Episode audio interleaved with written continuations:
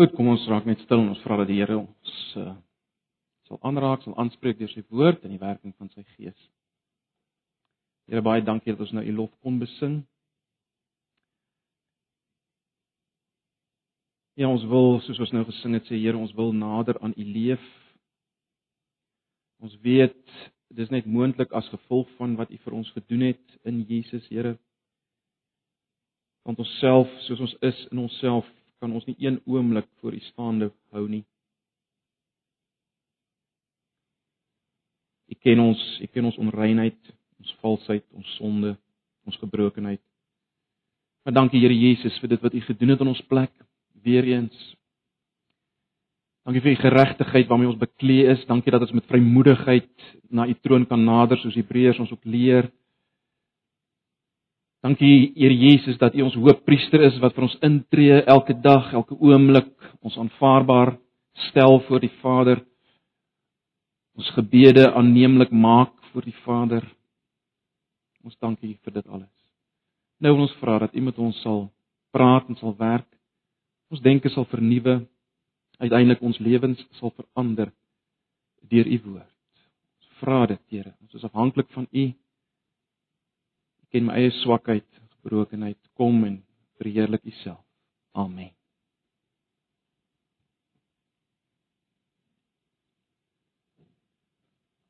Nou ja, broers en susters, ons is nog besig met Hebreërs. Maar vanoggend eh, wil ek hê ons moet uh, weer blaai na Hebreërs 12. Ons gaan nou spesifiek fokus op vers 5 tot 12. Hebreërs 12 vanaf vers 5 tot 12. Ons kom maar van vers 4 lees. Vers 4 is eintlik so 'n oorbruggingsvers, maar uh, kom ons lees maar vanaf vers 4. Ek weet in julle vertalings uh, die 83 is daar 'n opskrif, so kom ons lees maar vanaf vers 4 tot 12. Julle het nog nie so teen die sonde weerstandsgebied dat dit vir julle 'n stryd om lewe en dood geword het nie. Julle het ook vergeet van die aanmoediging wat tot julle as kinders van God gerig word. My kind, moet dit nie gering ag as die Here jou tug en moenie mismoedig word as hy jou teregwys nie want die Here tug hom wat hy liefhet. Hy straf elkeen wat hy as kind aanneem. Verdra die tug as opvoeding want God behandel julle as sy kinders. Is daar miskien 'n kind wat nie deur sy vader getug word nie? As julle nie getug word soos al die ander nie, dan is julle nie werklik sy kinders nie. Verder Ons het ons aardse vaders gehad wat ons getug het en ons het vir hulle eerbied gehad, ontsag soos Hebreë 53 sê. Sal ons nie nog des te meer aan die hemelse Vader ons onderwerp aan die hemelse Vader en lewe nie. Ons vaders het ons wel 'n kort tydjie na hulle goeddinke getug, maar hy tug ons tot ons beswil sodat ons in sy heiligheid mag deel. Wanneer ons getug word, lyk die tug op daardie oomblik nie na iets om oor bly te wees nie, maar om oor te huil. Later lewer dit egter vir die wat daardeur gevorm is, 'n goeie vrug. Vrede omdat hulle gehoorsaam is aan die wil van God. Versterk daarom die slap hande en die lam knie en loop die reguit pad, dan sal wat lam is nie uit lid raak nie, maar gesond word.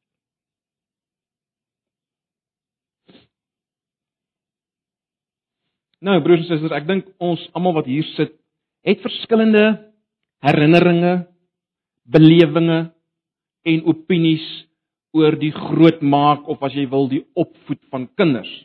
En van ons vanoggend hier uh sal daaroor dink vanuit 'n ouer se perspektief en van ons uit die aard van die saak vanuit 'n kind se perspektief wat wat wat natuurlik dikwels ook 'n bietjie verskil.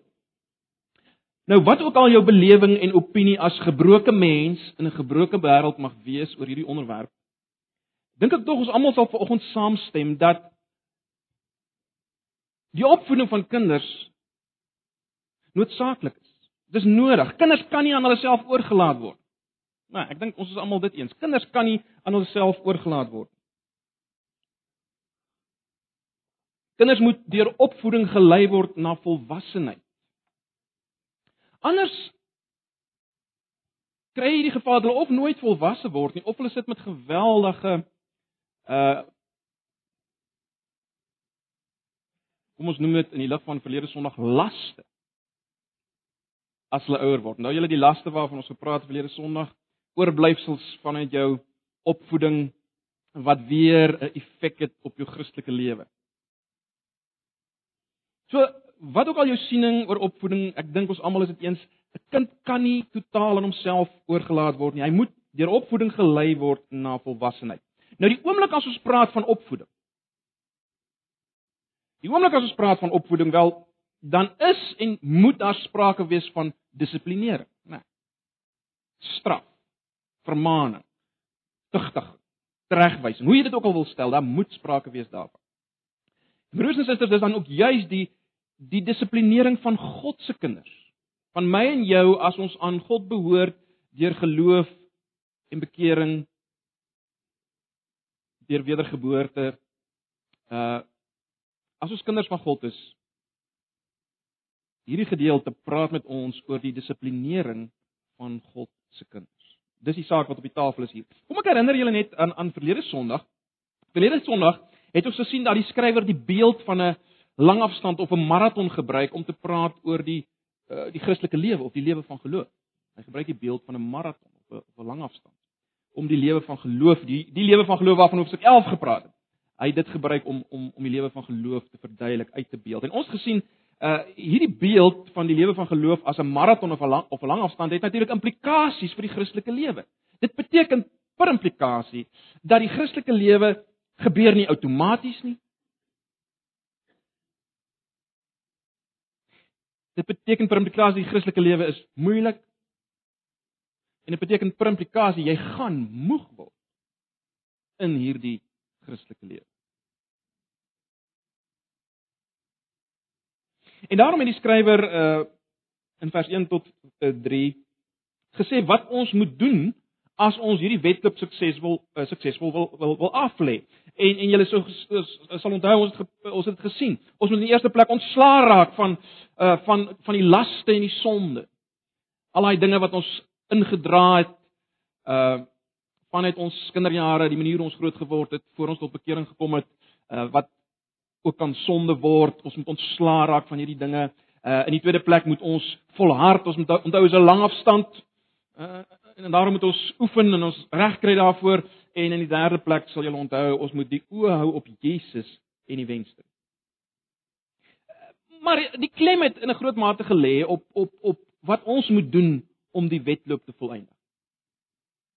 So dit was die beeld waarna ons verlede Sondag gekyk het. Die beeld wat ons ver oggend het of wat die skrywer gebruik om die lewe van geloof uit te beeld, is natuurlik hierdie opvoedingsproses wat plaasvind tussen 'n vader en sy kind. Dis wat ver oggend hier is. Die opvoedingsproses wat plaasvind tussen 'n ouer en sy kind. En en onmiddellik het dit natuurlik ook implikasies, né? Nee.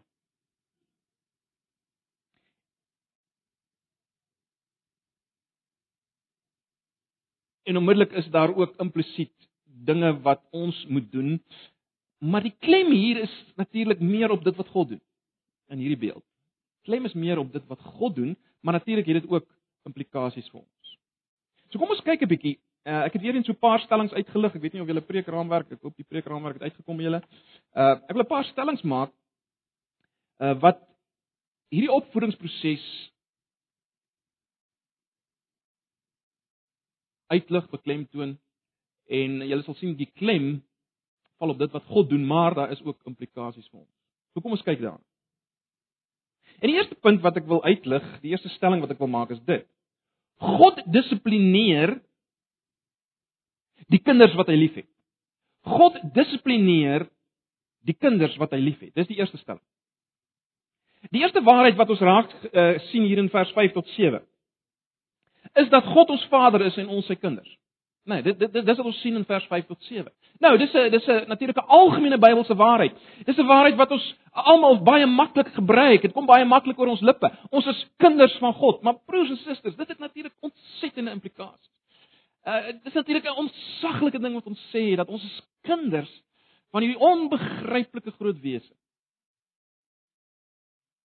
Nou mense kan baie daaroor praat, net oor hierdie feit dat ons kinders is van God. Maar in die konteks van hierdie gedeelte is is die implikasie natuurlik onmiddellik baie duidelik, die logiese implikasie.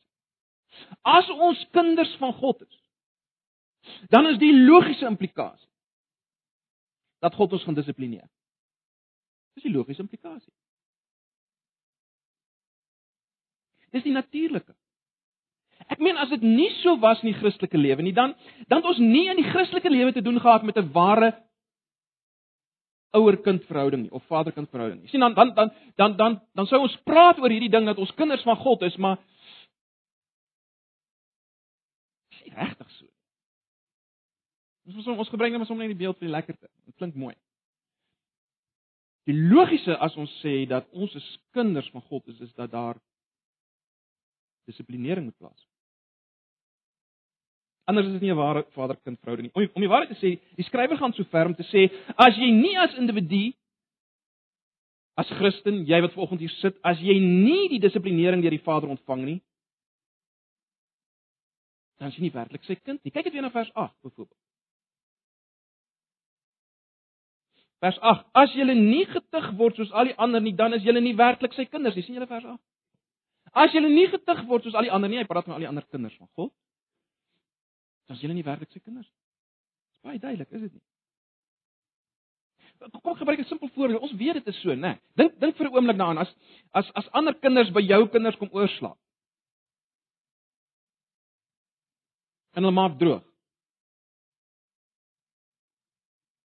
Want dan moet ek pas op wat ek sê want dalk doen julle dit. Maar ehm um, dan gee jy nie sommer daai kinders 'n pak slaag gee nie. Jy sê jou eie kinders pak slaag gee vir dit wat daar gebeur het. Uh waarskynlik, maar jy, jy sal nie die ander kinders 'n pak slaag gee nie. Optree teenoor hulle. Want dit is nie jou kinders nie. Hulle behoort nie aan jou nie. Hulle behoort nie aan jou nie. En dis dieselfde broers en susters in die geestelike lewe. As God jou los by wyse van spreuke, dan behoort jy nie aan hom nie. Dis die implikasie dan behoort jy nog nie aan hom nie. Baie belangrik, die skrywer lê klem op die feit dat die Vader dissiplineer. Het julle dit gesien? Die wat hy liefhet. Het julle dit gesien? Vers 6, want die Here te hom wat hy liefhet, vers 6. So so hy sê nie eers net hoorie God is julle Vader en hy dissiplineer julle. Hy hy lê klem daarop. God dissiplineer of die Vader dissiplineer die wat hy liefhet. Hoekom lê hy klem daarop? Wel, broers en susters, natuurlik omrede straf, dissiplinering, tugtiging, net soos jy dit wil noem, word nie altyd positief beleef deur kinders nie. Julle sal dit weet in die in in in die normale lewe ook. Dikwels verstaan kinders dit glad nie. hulle voel baie keer die ouers is eintlik teen my. Of hy hou nie van my nie. Hy sê regtig lief vir my nie. Dis hoekom hy dit doen. Heeltemal verkeerd, dit lyk maar dis hoe kinders dit beleef. En en vers 11 uh lig dit uit, né? Nee, kyk na vers 11. Wanneer ons getug word, lyk die tug op daai oomblik nie na iets om oor bly te wees nie. Dit is net so. Dis hoe kinders dit beleef. Ek is seker jou kinders beleef dit ook so. Weet dit so beleef. Maar die punt vir oggend is dit, wat ons moet weet vir oggend is dat alles wat met my gebeur, daardie negatiewe dinge, daai dinge wat ek nie verstaan nie, kom uit die hand van die Vader, maar baie belangrik, uit die hand van die Vader wat my liefhet. Dis wat die skrywer wil beklemtoon. Uit die hand van die Vader wat my liefhet. In ander woorde, ons moet weet ons lyding, die dinge waardeur ons gaan as Christene, het 'n opvoedkundige funksie. Dit is 'n opvoedkundige funksie. God laat ons lei.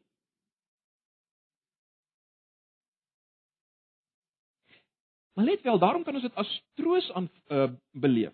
Daarom kan ons dit as troos beleef.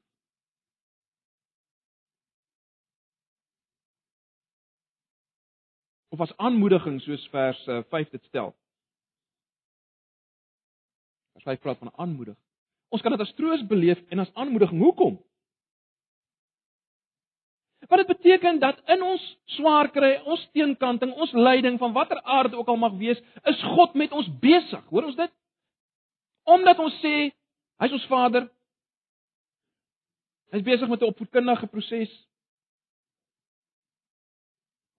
Wat tigtiging op dissiplinering net soos jy dit wil stel behels. Daarom kan ons weet as ek as ek hierdie goed beleef, God is met my besig. En dit dit dit sê klomp goeters van God oor ons, nê. Nee. Dit beteken hy hy's bekommerd oor my.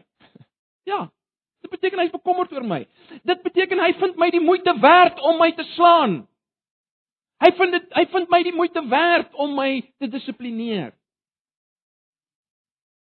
En hy doen dit omdat hy verantwoordelik vir my voel. Hy doen dit omdat hy verantwoordelik vir my voel. Dis dis geweldige dinge wat ons sê. Ons moet mooi daaroor dink, broers en susters. Kyk. Die implikasie hiervan is as as ons geen kom ons noem dit dan maar tigtiging sou kry nie, dan moet ons tot die konklusie kom dat God is nie meer bekommerd oor my nie. Hy laat my oor aan my eie lot en dis vreeslik, is dit nie? Dis vreeslik. Dis baie meer vreeslik as enige iets wat oor my kan kom. As God my oorlaat aan myself, my eie lot. Dink daaroor. 'n Swygende God, 'n swygende God kan erger wees as 'n bestraffende God. Want jy sien, in die bestraffing, in die tigting is daar weer kontak tussen my en God.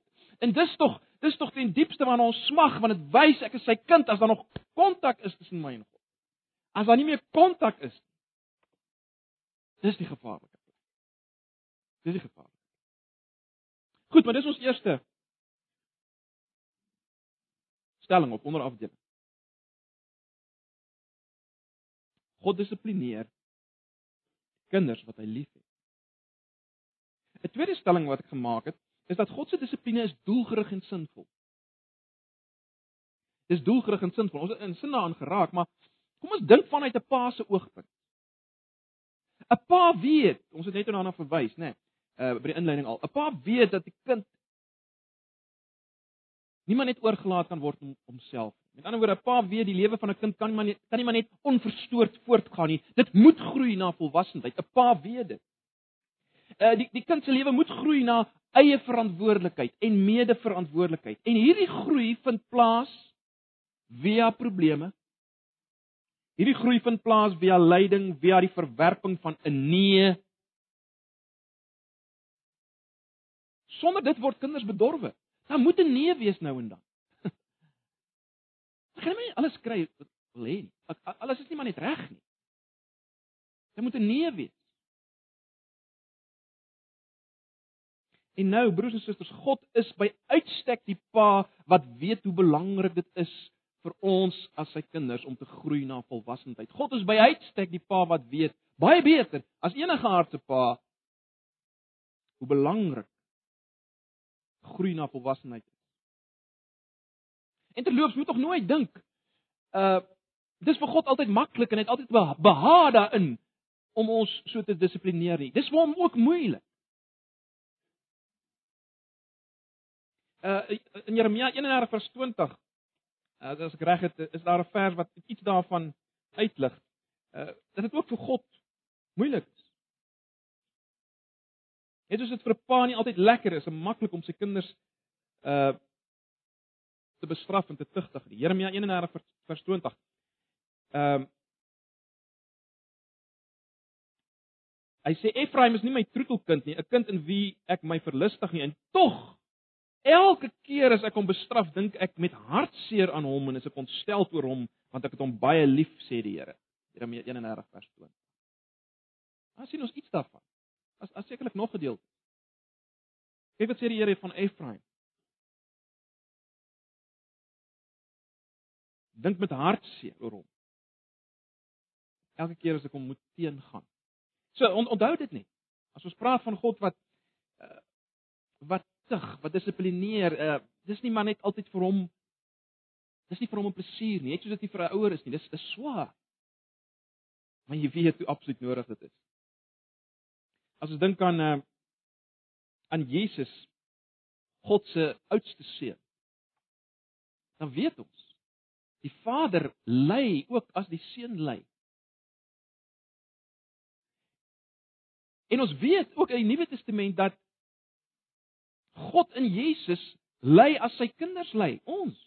Ek het al baie die voorbeeld gebruik van Paulus, nê. Nee, as hy uh, vir Jesus ontmoet op die Damaskuspad, dan dan dan sê Jesus vir hom: "Saul, Saul, waarom vervolg jy my?" Wat het Saulus gedoen? Eh, Paulus genoem hy nog Saulus was. Wel, hy het die gemeente teëgegaan. Hy het die gemeente eh, seer gemaak as jy wil. In tronke gegooi. En Jesus sê: "Jy doen dit aan jy doen dit vir my aan my, Paulus. Jy sien ek en my kinders is een, Paulus. As hulle lei, lei ek."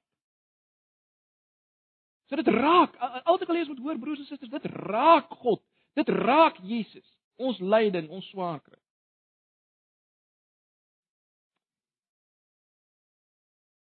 Kyk, ons as ons dissipline uitdeel, is dit soms uit blote woede uit. Soms, ongelukkig, dit is dis verkeerd. Maar dit is so. Ons moet maar erken as ouers, né, nee, baie keer is dit sommer net omdat ons ons ons, ons gebruik die term ons snap, né, nee, in 'n oomblik en dan as ons kwaad en dan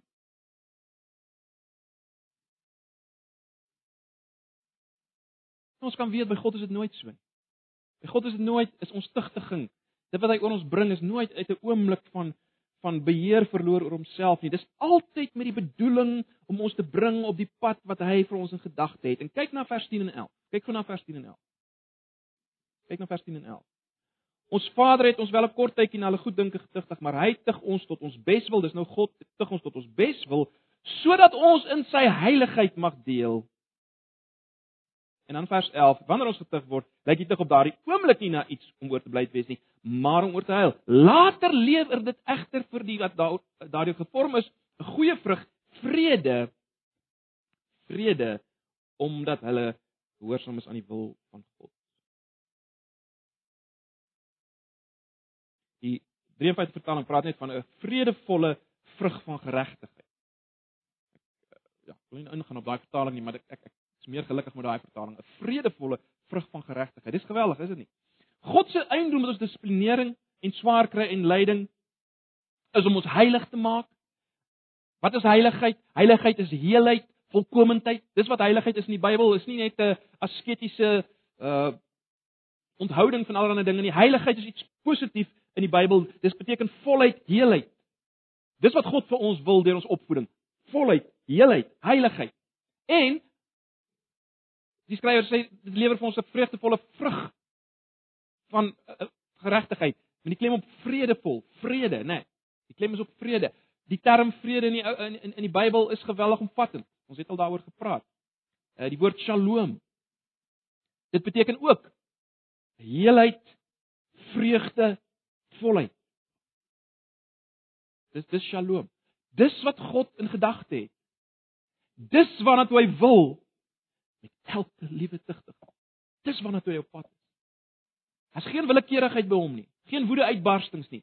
Doelgerig is hy op pad om vir ons volkomendheid, heelheid, vreugde, volheid te bring. Hierdie vrede waarvan ek praat, ek beklemtoon dit, is nie net die afwesigheid van stryd nie. Die Bybelse term is baie meer.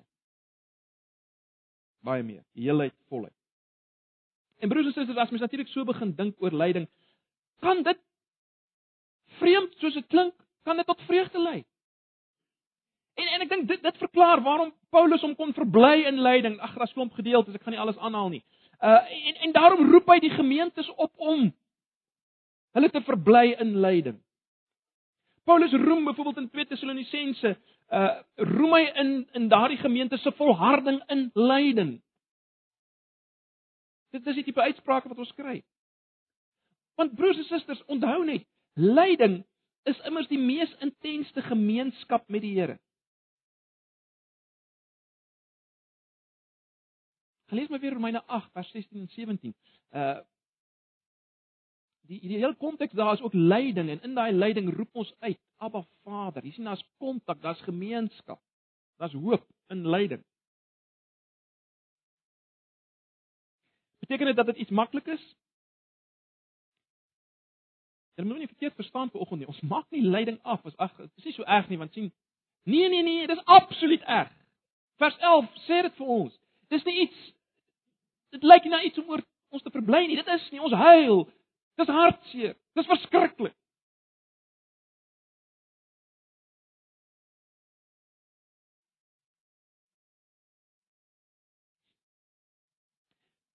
Dink vir oomblik net aan Jesus. Ons gaan nou nou weer praat oor hom as as God se kind. Maar, maar dink vir 'n oomblik aan hom, broers en susters.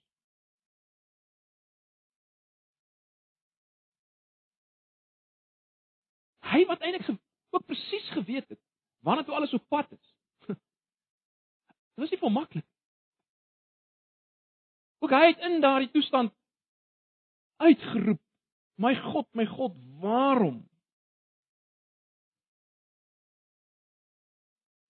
En en in 'n sin moet dit ons ook vertroos, juis sy uitroep. Uh ons wil nou nou sien hoekom. Dit bevestig ons deel wees aan hom, né? Nee. So ons sê nie vir mekaar is maklik nie. Ons sê net vir mekaar is maklik.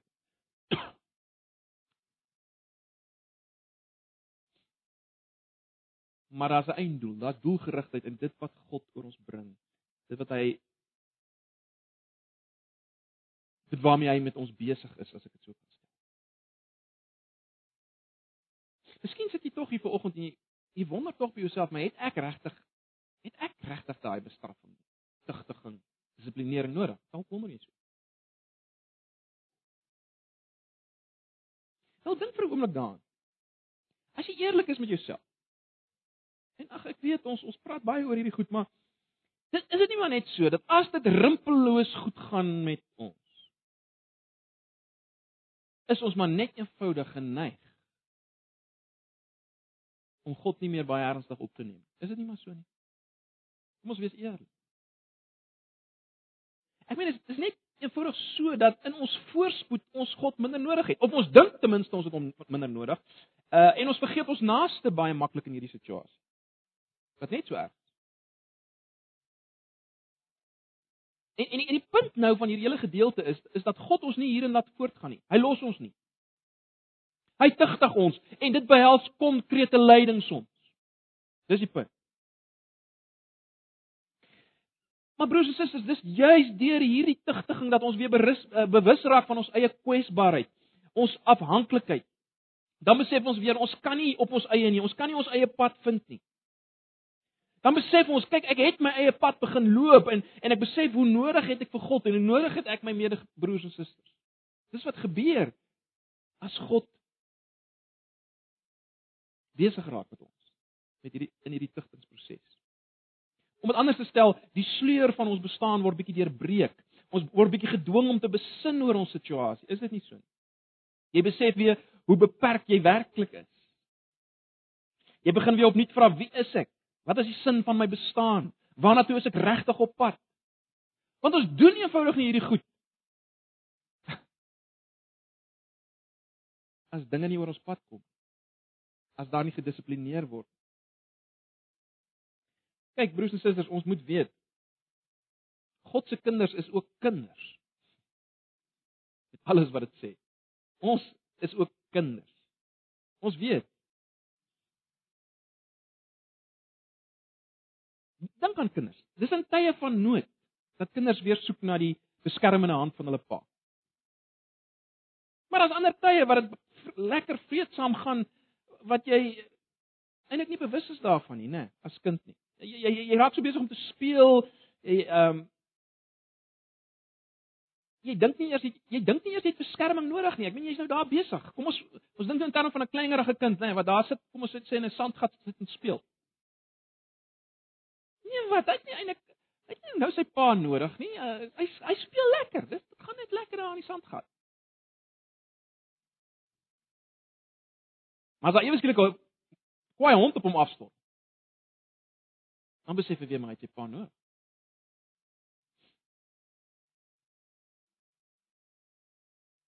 Dan soek 'n kind baie vinnig sy pa se beskermende hand op, né? Nee.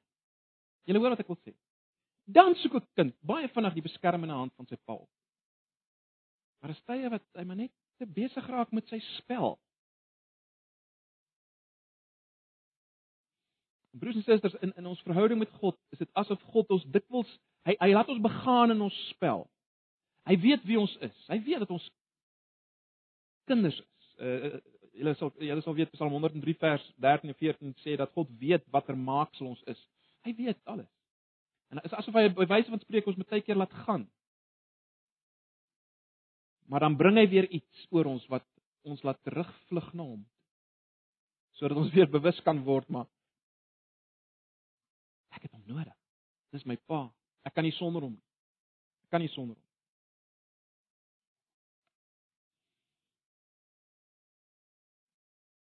En dit bring my by 'n by 'n volgende punt.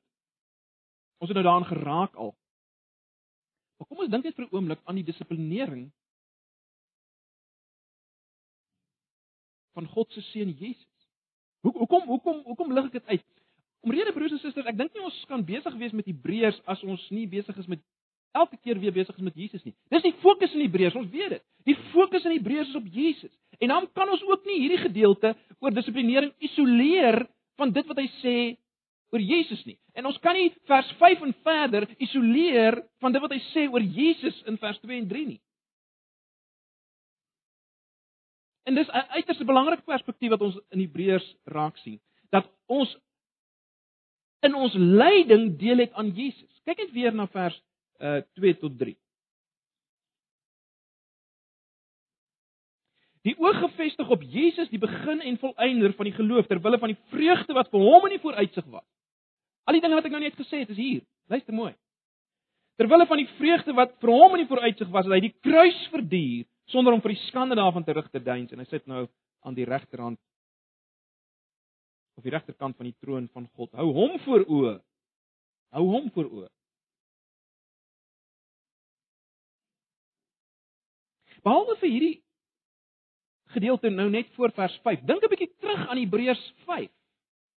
Onthou julle Hebreërs 5 vers 8, bly gou terug na Hebreërs 5 vers 8.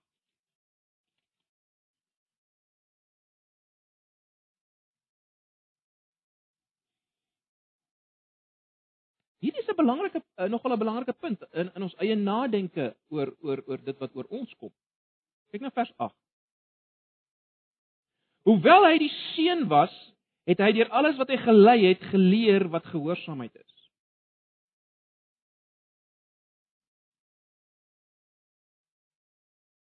Onthou nou ons word in Hebreërs 12 nou opgeroep om hom voor oë te hou.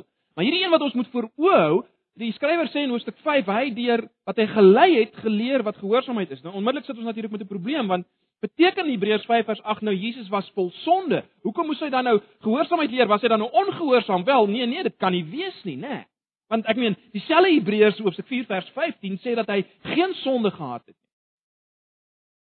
En en dis natuurlik juist die rede waarom hy ons kan help volgens uh, Hebreërs 7:26 en ander gedeeltes. Tog moes hy gehoorsaamheid leer. Nou ons het waarskynlik daaroor gepraat, maar ek weet julle sou dit al vergeet. Wat beteken dit? In Hebreërs 5 vers 8. Dat hy moes gehoorsaamheid leer. Wel dit kan nie beteken hy moes ongehoorsaamheid afleer nie, want dit sou beteken hy hy hy het sonde gehad. Hy was nie ongehoorsaam nie, hy het nie sonde gehad nie. Dit kan net beteken broers en susters, luister mooi, dit kan net beteken hy moes die wil en die weg van God leer aanvaar het vir hom as mens. Die wil en die weg, as jy wil, die wil en die pad van God vir hom as mens moes hy leer aanvaar het. Onthou dit was ook iets nuuts vir hom as mens. Hy moes dit leer aanvaar. En dit is belangrik. Ons volg hierdie Jesus na. Met ander woorde, ons moet ook die wil en die weg of die wil en die pad van God vir ons leer ken. Maar die belangrike punt is hier met ander woorde, as jy deur dinge gaan, swaar kry, lyding, siekte, ellende, beteken dit nie dat jy vol sonde is nie. Nie noodwendig. Daarmee sê ek nie daar kan sonde wees en en en en en God moet hard werk om dit reg te stel deur bestraffing nie, maar maar dit gaan nie eers hier oor grove sonde nie. Dit gaan bloot baie keer daaroor dat dat ons die wil en die weg van God werklik moet leer ken. Eh, eh, ons moet dit hoor. Want wat dit mag wees dat jy hier sit en jy sê maar Wie ek weet, ek het so nou pad met die Here gestap eintlik en en en en, en gebeur hierdie dinge maar is daar dan nou sonde in my lewe? Nie noodwendig nie. Maar jy moet nog duideliker die pad van God leer ken. Jesus moes en as hy dit moes leer ken deur lyding heen, hoeveel te meer moet jy dit leer ken deur lyding heen? So, dit is 'n belangrike perspektief wat inkom as ons verstaan dat Jesus as God se kind ook deur God gedissiplineer is opgevoed is vir 'n sekere doel. In ander woorde, die punt is maar net straf, tigtiging is nie 'n bewys dat ons nie versoen is nie. In ander woorde dat ons nie aan God behoort nie. Nee nee, inteendeel, dit dui op gemeenskap met die lydende Jesus. Dit dui daarop dat ons een is met hom. Want dis die hele punt in Hebreërs, ons stap dieselfde pad. So ek dink dit is net belangrik om daardie perspektief ook in te bring as ons praat oor hierdie die tugtiging, die dissiplinering van God. Ek sluit af met 'n laaste paar opmerkings of my laaste punt aan jou. Hoe moet ons hierop reageer? Wel, ek dink vers 5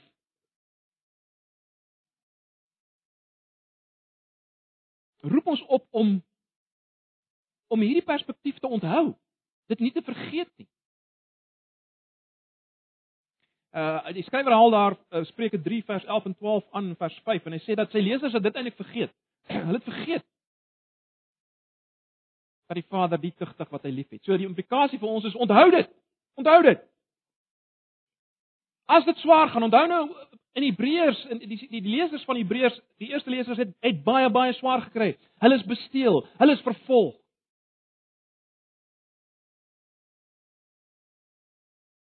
En hulle wou totaal mismoedig word.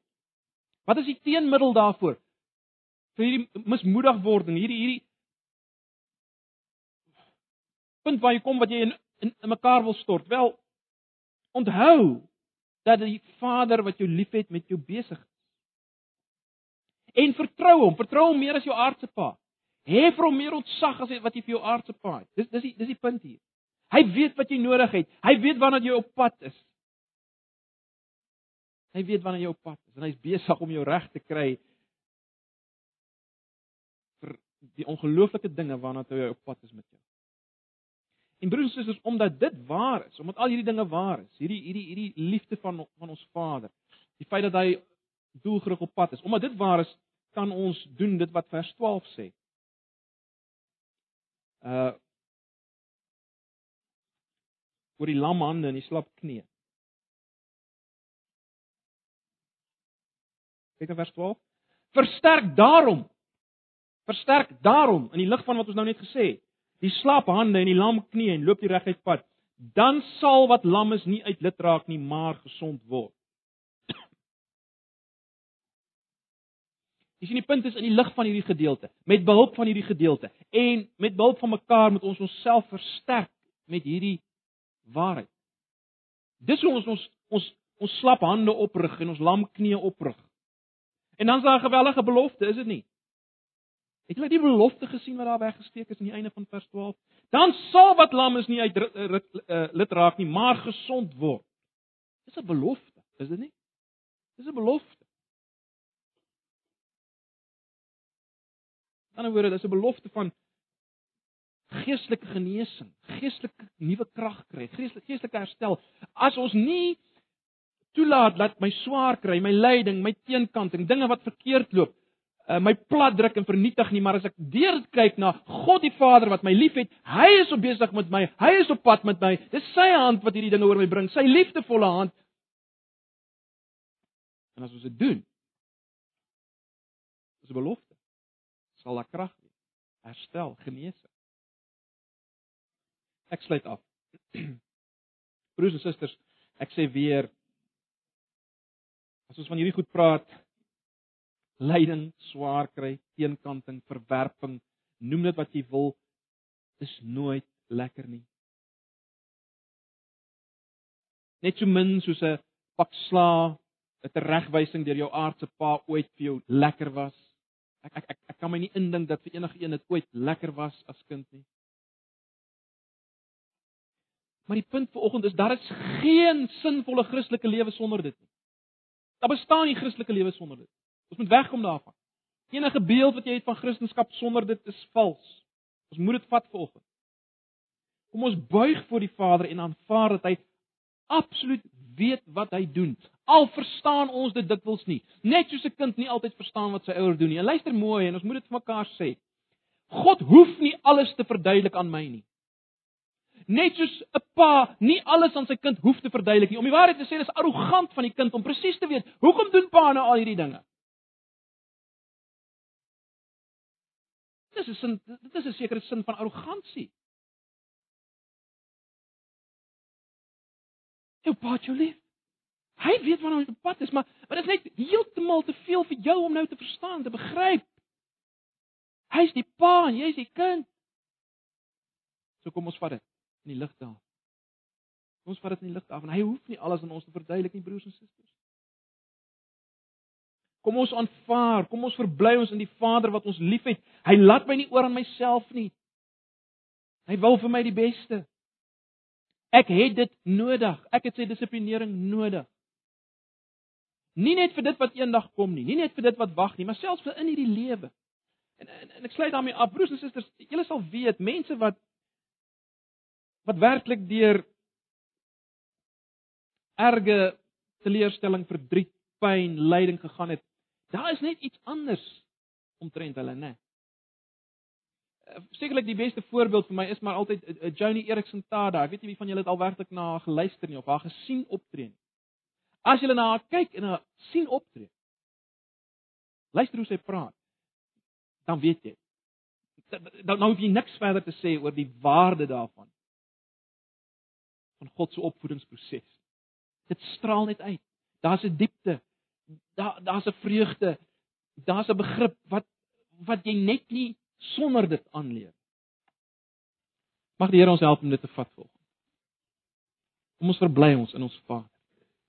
En ons ondersteun mekaar met hierdie waarheid. Amen. Kom ons bid saam. Ag Here, ons dankie vir u woord.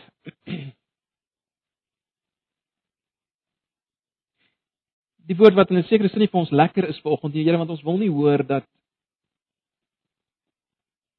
dat U ons bestraf en tigtig en dissiplineer en reghelp en al hierdie dinge nie. Dit is 'n kind dikwels dit nie wil hoor nie en nie wil weet daarvan nie en wil wegvlug daarvan en nie daarvan hou nie, maar ag Here, ons wil dit vir vanoggend sien in die hele perspektief wat U vir ons gee. En ons wil U daarvoor dank want ons weet U het ons oneindig lief. Onbegryplik lief. Help ons om nooit ooit dit vergeet te vergeet asseblief.